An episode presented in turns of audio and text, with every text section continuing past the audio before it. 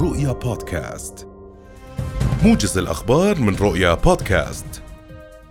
ارتفع عدد ضحايا تسرب غاز الكلورين في العقبة يوم أمس إلى 13 وفاة بحسب الناطق الرسمي باسم الحكومة فيصل الشبول الشبول أكد للرؤيا أنه توفي في صباح اليوم شخص من جنسية أجنبية بينما لا يزال 130 مصابا يتلقون العلاج في المستشفيات وحالتهم العامة بين المتوسطة والخفيفة.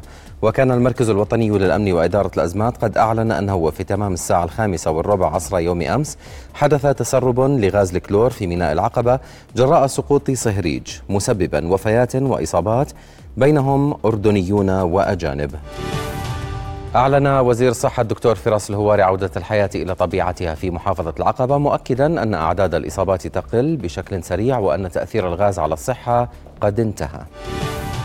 أعلن وزير الداخلية مازن الفراية استئناف العمل بموانئ العقبة كافة اعتبارا من صباح اليوم مؤكدا استئناف حركة الشحن في الميناء وعودة الأمور إلى طبيعتها.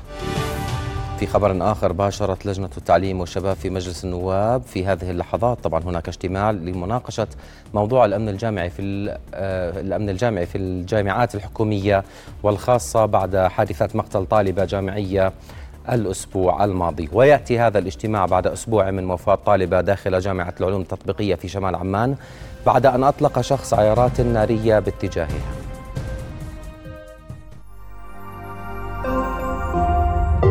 رؤيا بودكاست.